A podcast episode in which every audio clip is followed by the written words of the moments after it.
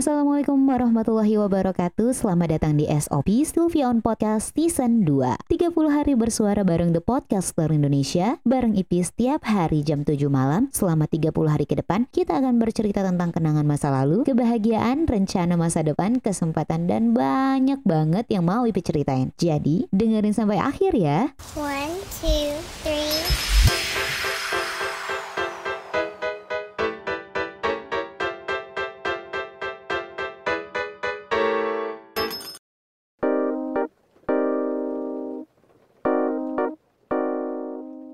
Assalamualaikum warahmatullahi wabarakatuh. Balik lagi di Sylvia on Podcast. Kali ini kita ada gue star Dari komunitas sahabat hijrahku. Bersama kita ada foundernya yaitu Bang Kamal Kan Lubis. Jadi hari ini kita akan bahas topik yang sangat spesial Topik yang sangat eh, serius Yaitu tentang pendekatan. Di zaman sekarang banyak orang-orang yang melakukan pendekatan Untuk menjalin suatu hubungan. Tetapi di dalam agama Islam sendiri Kita mengetahui bahwa pendekatan-pendekatan Yang dilakukan anak-anak zaman sekarang itu Sangat-sangat jauh dari kata-kata baik. Jadi kita mau nanya pendapat dari Bang Kamalkan. Menurut Bang Kamalkan sendiri pendekatan menurut Islam itu ada nggak sih Bang? Ya, Assalamualaikum warahmatullahi wabarakatuh. Ya, saya Kamalkan Lubis, ketua dari komunitas sahabat hijrahku. Ya, alhamdulillah eh, hari ini coba bincang-bincang bersama Silvia ya, Mbak Silvia terkait dengan yang namanya tentang pendekatan ya. Dan tadi beliau bertanya apakah ada dalam Islam itu tentang pendekatan secara Islami? Ya tentu saja ada. Yang namanya pendekatan secara Islami itu jelas ada. Kalau dalam Islam lebih kepada yang namanya sering kita kenal itu ta'aruf. Namun ta'aruf ini juga maknanya luas gitu. Tergantung tujuan kita ta'aruf itu apa.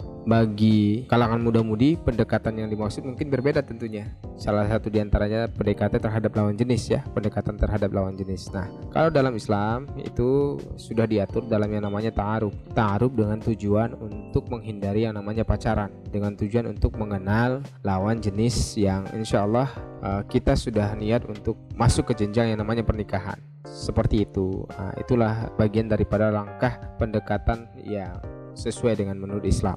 Jadi kita bahas tentang ta'aruf.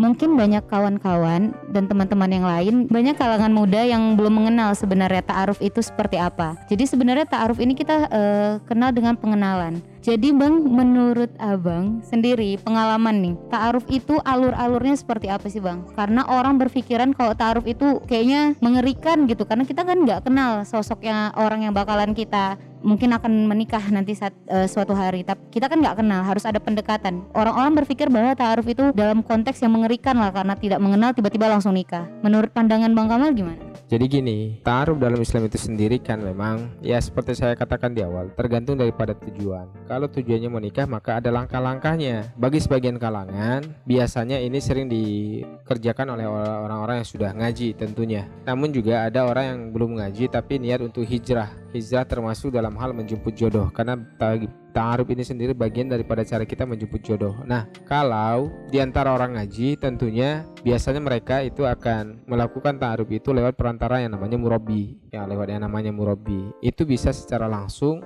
ataupun lewat uh, eh, CP biasanya. Kita seperti itu ya, ada CP. Nah, kalaupun orang yang tidak ngaji dengan konsep murabi seperti itu biasanya juga tetap melalui proses yang namanya uh, pertukaran CP biodata. Itulah tahap awalnya. Biodata itu bisa secara soft copy ataupun hard copy atau bahkan bisa lewat lisan, lisan daripada perantara yang mempertemukan antara ikhwan ataupun ahwat itu sendiri gitu. Jadi kalau lewat lisan berarti dia harus menguasai data informasi dari ikhwan maupun ahwat ya dia sudah menguasai data informasi Ikhwan maupun Ahwat. Kalau lewat CP otomatis sudah jelas tertulis ya kalau dalam bentuk hard copy ataupun soft copy dia sudah tertulis dengan berbagai macam rangkaiannya. Jadi kita siapkan itu kemudian kita saling tukar biodata. Setelah tukaran CP mereka akan coba pahami dan pelajari uh, lebih dalam lagi tentang biodata masing-masing untuk mencari kecocokan di antara keduanya. Sekiranya ada kecocokan tentunya mereka akan follow up lanjutan. Kalau keduanya sama-sama sepakat dan cocok maka mereka akan lanjut yang namanya nazor Nazor itu apa? Nazor itu adalah bertemu langsung, bertemu langsung karena bisa jadi biodata yang mereka lihat meskipun mungkin ada foto di dalamnya, tapi bisa jadi foto itu tidak sesuai dengan uh, wujud aslinya. Nah, apakah benar itu yang pemilik data dengan yang orang yang dimaksud sama, maka dia lakukanlah namanya nazor. Dan di Nazar itu juga akan ada sesi diskusi tanya jawab mengorek lebih lanjut tentang diri masing-masing. Karena bisa jadi dalam CV ada poin-poin yang tidak bisa kita tuangkan secara gamblang. Jadi itu dikupas pada saat sesi Nazar. Di waktu bertemu itu perempuan juga dianjurkan untuk andai dia bercadar, jadi dia dianjurkan untuk memperlihatkan wajahnya. Ada hal yang boleh dilihat dari sisi perempuan, sisi ahwatnya yaitu hanya boleh memperlihatkan wajah dan telapak tangan. Nah setelah itu andai keduanya juga sama-sama siap untuk lanjut Nah kalau biasanya di kita ya kita biasanya lakukan nazar bersama keluarga. Jadi kita lakukan nazar lagi bersama keluarga si Ahwat karena Ahwat adalah yang dituju oleh si Ihwan.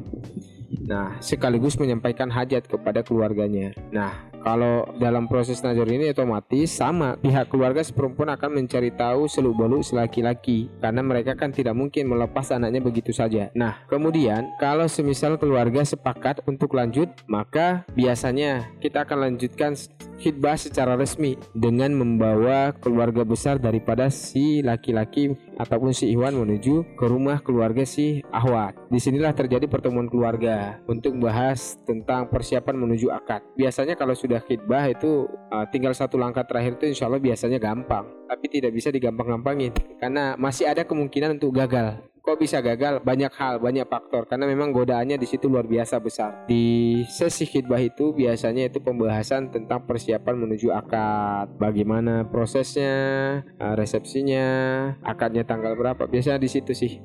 Nah, kalau sudah akad maka tinggal menjalani kehidupan rumah tangga. Seperti itu. Itu biasanya tahapan yang kita lakukan. Yang jelas ta'aruf itu pendekatan yang dilakukan secara ta'aruf tak ada jaminan untuk lanjut ya. Tidak ada jaminan untuk lanjut sampai akad. Dan juga tak ada jaminan orang yang ta'aruf itu rumah tangganya tidak berjalan lancar. Tidak ada jaminan. Karena apa pun kehidupan setelah pernikahan semuanya masih dalam kondisi rahasia. Kembali kepada Allah banyak orang yang pacaran berpuluh-puluh tahun tapi nggak nikah-nikah. Ya bukan ber uh, dua tiga tahun nggak tapi puluhan tahun belasan tahun itu pacaran gitu. Tapi ternyata nggak nikah nikah juga. Tapi ada orang yang hanya taruh beberapa minggu Allah izinkan nikah gitu. Nah itu semua memang jadi rahasia sih rahasia Allah Masya Allah mantap banget nih. Penjelasan dari alur dari ta'aruf yang dibawakan oleh Bang Kamal. Intinya pertama itu kita harus niat karena Allah. Harus luruskan niat bahwa untuk ta'aruf itu kita adalah menikah. Oh ya dalam pemilihan CV Bang. Itu gimana Bang proses dalam pemilihan CV-nya Kita ngambil satu-satu atau memang dicocokkan atau gimana? Oke.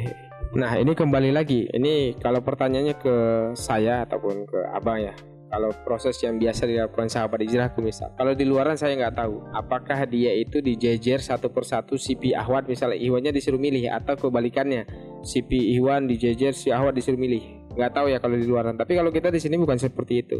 Karena kita juga punya program seperti itu ya. Di sahabat hijrahku kita juga bantu jamaah dan bahkan di program kelas jodoh sendiri di saat mereka daftar sebagai siswa ataupun santri kelas jodoh maka dari awal mereka sudah siapkan CP Nah, caranya adalah kita akan berikan materi dulu tuh, edukasi dulu dengan materi-materi tentang persiapan menuju pernikahan. Setelah masuk ke poin uh, materi tentang memilih uh, jodoh, kriteria memilih jodoh, maka di saat itu kita akan evaluasi CP mereka masing-masing. Kita akan lihat kecocokan-kecocokan apa yang mereka cari.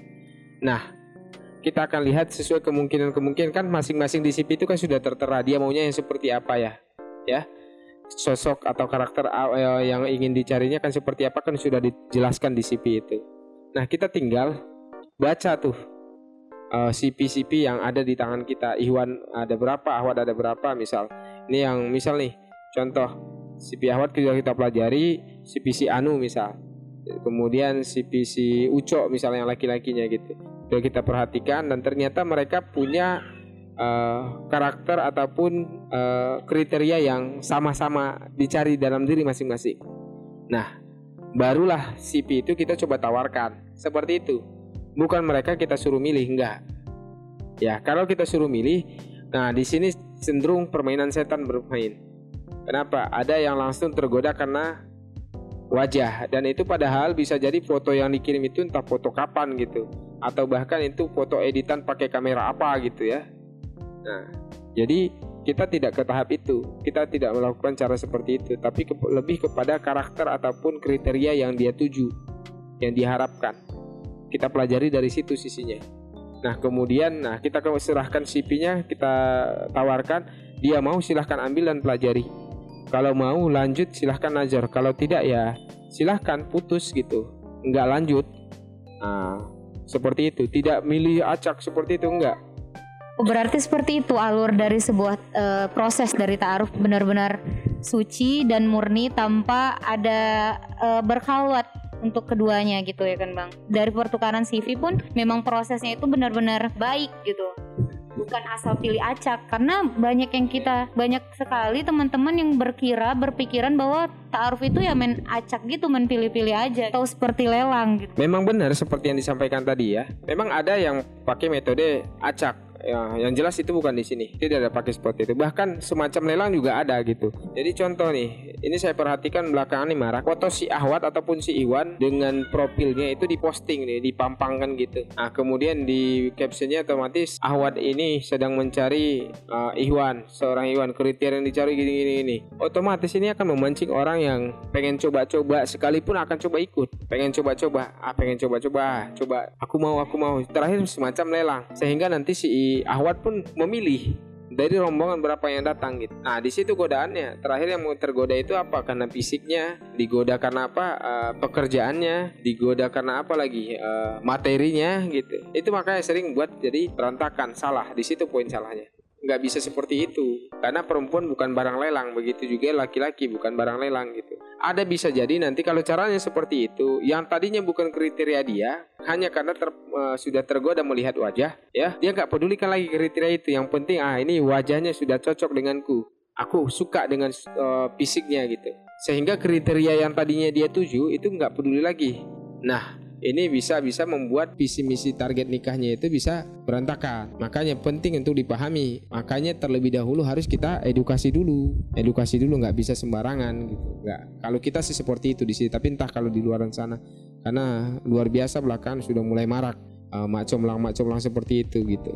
Masya Allah mantap sekali pemateri kita hari ini narasumber yang sangat luar biasa oleh dari founder sahabat hijrahku Bang Kamalkan Lubis. Terakhir Bang, pesan untuk ikhwan dan akhwat yang ingin mulai proses ta'aruf. Kira-kira menurut Abang pesannya apa nih? Pesan, nah, ini bukan pesan-pesan terakhir ya. nah, mohon doa mudah-mudahan panjang umur dan berkah aman ya. Pesan pertama adalah luruskan niat. Pahami dulu diri masing-masing. Niat nikahnya hanya sebatas ingin menikah atau benar-benar sudah butuh nikah. Nah, itu pahami dulu muhasabah dulu ke diri masing-masing. Itu yang pertama. Yang kedua uh, lakukan dengan cara yang benar ya. Jadikan agama sebagai landasan utama.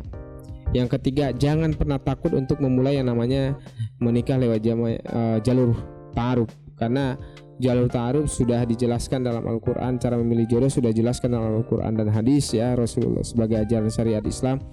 Maka jangan pernah ragukan apa yang sudah Allah tetapkan Allah perintahkan kita jauhi zina, artinya jauhi yang namanya pacaran. Pacaran bagian daripada pendekatan terhadap zina, maka jauhi itu.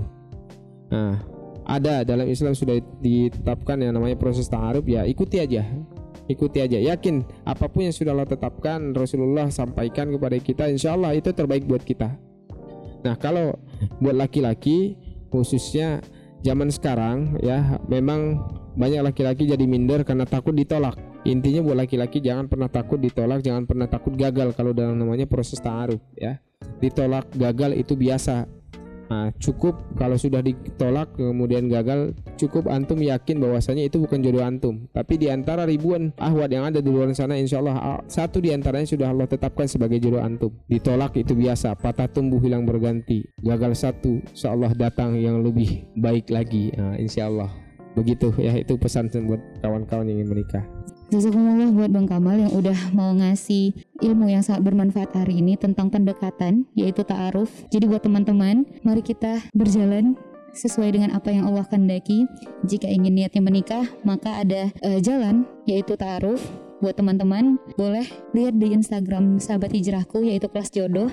Nanti follow aja di situ akan diterangi bagaimana dalam proses ta'aruf insya Allah. Mungkin sekian dari kami. Ipi izin pamit. Wassalamualaikum warahmatullahi wabarakatuh.